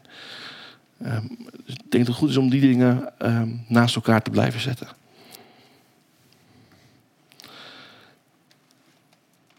Dan blijven er twee vragen over. Wel geen volgorde van doop en vervulling. En doop als voorwaarde van verlossing. Let's go. Als we het hebben over de doop. En het hebben ook hebben over de doop in de Heilige Geest. hebben we het eigenlijk over twee dingen. De eerste is het, uh, het onderdompelen in water. Dat, uh, als we daar de grondtekst op zoeken, dan hebben we het ook echt over. En dan weer omhoog trekken, zo gezegd. Um, en we hebben het over een fenomeen dat we beseffen dat we gevuld zijn met de Heilige Geest. En dat er allerlei dingen gaan bewegen. Niet vanuit onze eigen kracht, maar vanuit Gods kracht die door ons heen beweegt.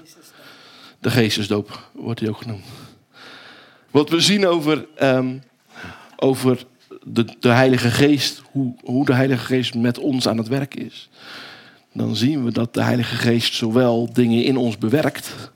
En we hebben genoemde teksten die dat ons vertellen dat de Heilige Geest bewerkt, dat we tot geloof komen dat de Heilige Geest ons bewerkt. En we zien teksten waarin staat dat de Heilige Geest ontvangen als antwoord komt op het feit dat we tot bekering komen. Dus het stapje achteruit. De Heilige Geest brengt ons tot bekering. Dringt ons aan tot bekering. Maar op andere teksten staat dat we ons bekeren en dat de Heilige Geest dat dan bevestigt door in ons te komen.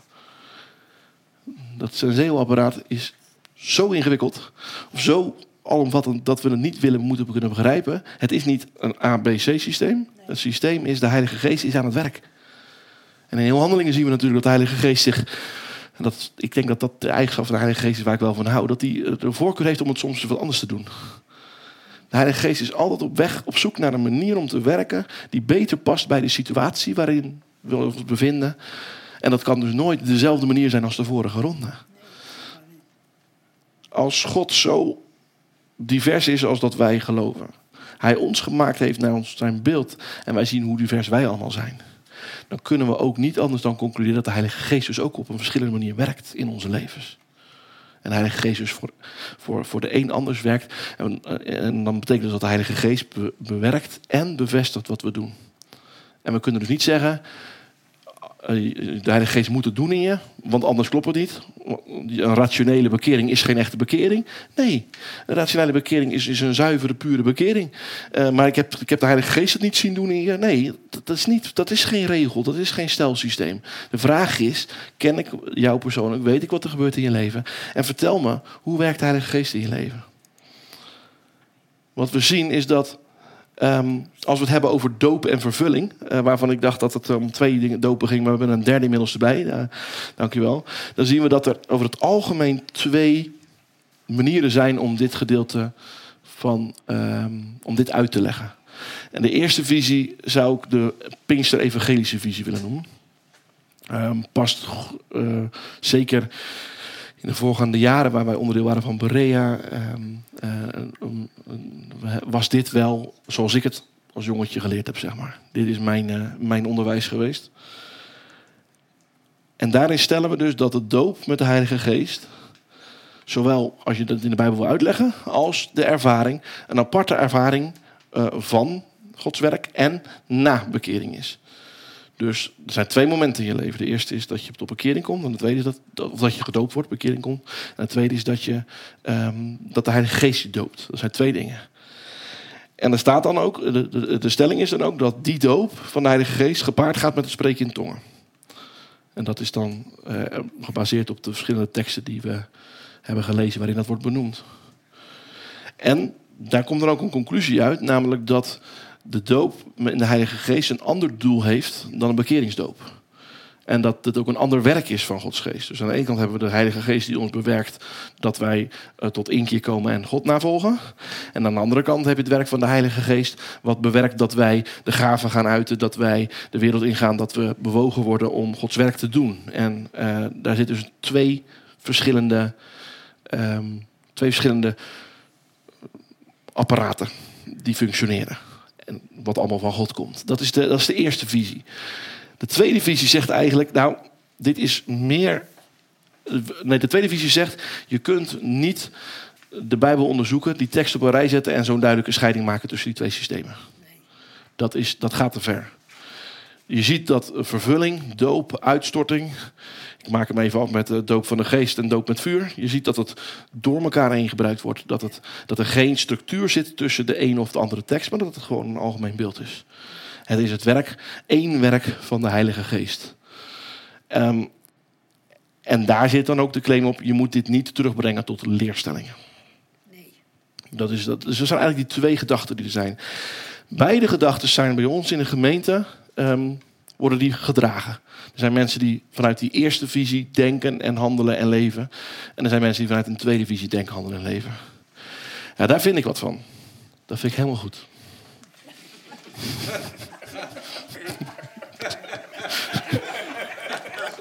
Sorry hoor, ik kon het even niet laten. Als je me nou net hebt horen betogen hoe veelzijdig onze Heer is. Hoe rijk hij is in, in, zijn, uh, in zijn persoon, in zijn wezen. Hoe hij ons allemaal gemaakt heeft, zo verschillend als dat we zijn. Dan is het heel spannend om dan vervolgens te zeggen, maar zoals een ander het heeft uh, ontdekt, of zoals een ander het heeft nu beleefd en zoals een ander het gelooft, dat, dat, dat kan niet. Um, dat is niet waar. Nou ja, dat zou ten koste gaan van een opdracht die we gekregen hebben. Dan krijgen we dus als gemeente een discussie over het middel. En verliezen we direct het doel. Want we zijn geroepen om elkaar te dienen, te steunen, te zorgen dat niemand wat tekort komt. En te zorgen voor de wereld om ons heen. En als wij dan vervallen in een interne discussie over of het nou visie 1 of 2 is. Ja, dan hebben we wat gemist. En dat betekent dat je wel, en dat heeft dus met, met dat kompas te maken, dat je wel op die oriëntatie moet gaan zitten. En ik zou het zo willen zeggen, als je deze vraag hebt voor jezelf en voor jouw leven, dat je je afvraagt, maar hoe functioneert het nou? Ik wil het weten voor mezelf. Blijf zoeken. Dat is belangrijk om te begrijpen, om, om zelf te, te willen ontdekken of aan te nemen, of in ieder geval aan de slag te gaan met het onderwerp. Ja, vraag het aan de Heer. Vraag het aan de Heer. Laat, laat jezelf daar, laat, spreek met mensen, onderwijs, leer, ontdek, zoek wijsheid. Precies. Maar als het kompas jou de kant op wijst omdat je graag aan anderen de weg wil wijzen, dan is het mijn ervaring in ieder geval dat dat vaker leidt tot een discussie over het kompas dan tot een wandeling. Precies. En dat is geen winst. En uiteindelijk mag je erop vertrouwen dat God ons leidt. We leiden elkaar niet. We laten elkaar regelmatig leiden, maar we leiden elkaar niet. Kijk, wij zijn, uh, wij hebben in, de in, in deze gemeente hebben we een aantal denktanks gehad. Dat zijn uh, groepen mensen die het leuk vinden om de Bijbel door te spitten en dingen op een rijtje te zetten. En een van die denktanks ging over het werk van de Heilige Geest en de gaaf van de Geest. En daar is dit thema ook voorbij gekomen. Daar hebben we de volgende dingen over gezegd. Bij die visies zijn bij ons in de gemeente. Wij zijn het ermee eens dat je vanuit de grondteksten niet kunt stellen dat het de een of de ander is. Dus we zijn het eens dat de tweede visie meer recht doet aan de tekst. Maar we herkennen onszelf enorm in de eerste visie. We herkennen onszelf in het feit dat God ons roept tot bekering. Maar daarna ons vraagt om telkens weer bij hem terug te komen. Om ons te laten vullen met zijn Heilige Geest. En om gevuld te worden. En niet alleen geest, maar ook vuur. We, willen, we weten dat er een actieve functie, dat, dat, dat, dat, dat, dat zijn zeeapparaat, dat dat mij, van mij vraagt om dingen met hem te doen. Anders komt er geen koffie uit. En die activiteit met Gods geest zoeken naar vulling, dat is wat we weten, dit werkt wel. Maar we kunnen er geen theologie van maken. En we, we weigeren ook om er een theologie van te maken. Geen leerstelling. Geen leerstelling. Het is ook niet nodig. Het is niet nodig om iets wat wij weten. Oké, God weegt met ons. Het is niet nodig om dat um, te bewijzen. Het is wel belangrijk dat je eerlijk blijft naar jezelf en anderen. Op het moment dat je daar vragen over krijgt. Van hey, leuk dat jij vervuld van de geest dingen doet. Maar dat je wel dan eerlijk bent en niet op je hoogtepunt van je theologische stelling gaat staan. Zeg maar zo hoort het volgens God. Nee, laten we wel eerlijk zijn naar elkaar. Dus dit is, een, dit is wat mij betreft de, de manier om om te gaan met dit soort thema's. Omdat, um, omdat het middelen zijn en geen doelen. En in die middelen mogen we elkaar gewoon de ruimte geven om onze eigen weg met God te gaan. En in die middelen mogen we erop vertrouwen dat God ons leidt. En dat de Heilige Geest aan het werk is. De Heilige Geest leidde de eerste gemeente. En de Heilige Geest leidt deze gemeente. En daar mogen we gewoon op vertrouwen. En dat betekent dat we vooral mogen vertrouwen op het feit dat Hij ons leidt. En dat we mogen stil mogen zijn. En mogen luisteren naar zijn stem.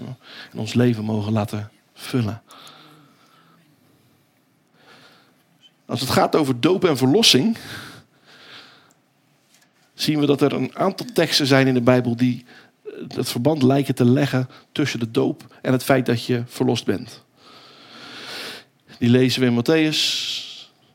Ze staan daar. Matthäus 28 vers 19, Marcus 16 vers 16 en Handelingen 2 vers 38. Daar zie je, uh, laat je uh, uh, um, kom tot inkeer en laat je dopen, dan zul je behouden worden.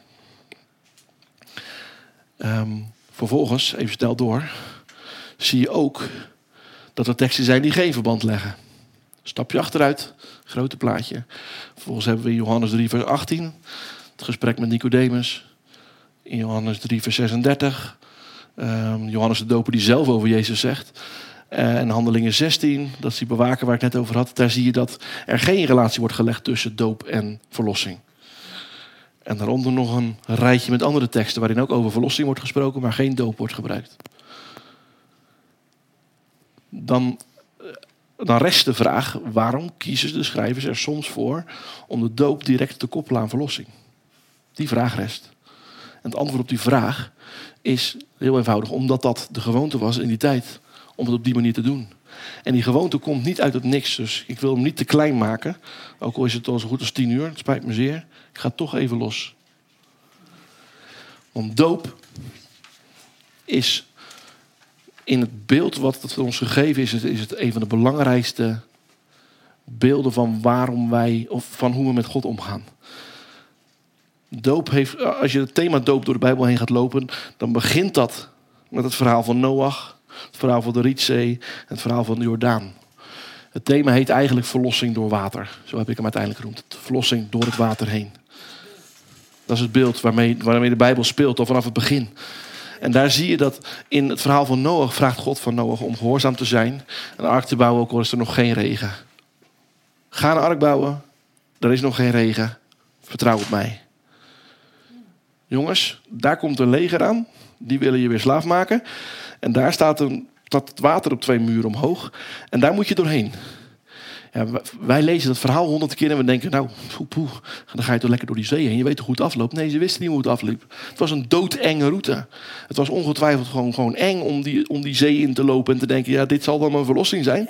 Ik weet helemaal niet of dit mijn verlossing is. Voor hetzelfde geld houdt de wind zo weer op, valt het hele water over me en ben ik dood. Misschien kan ik beter terug naar Egypte, want daar had ik in ieder geval nog wat te eten.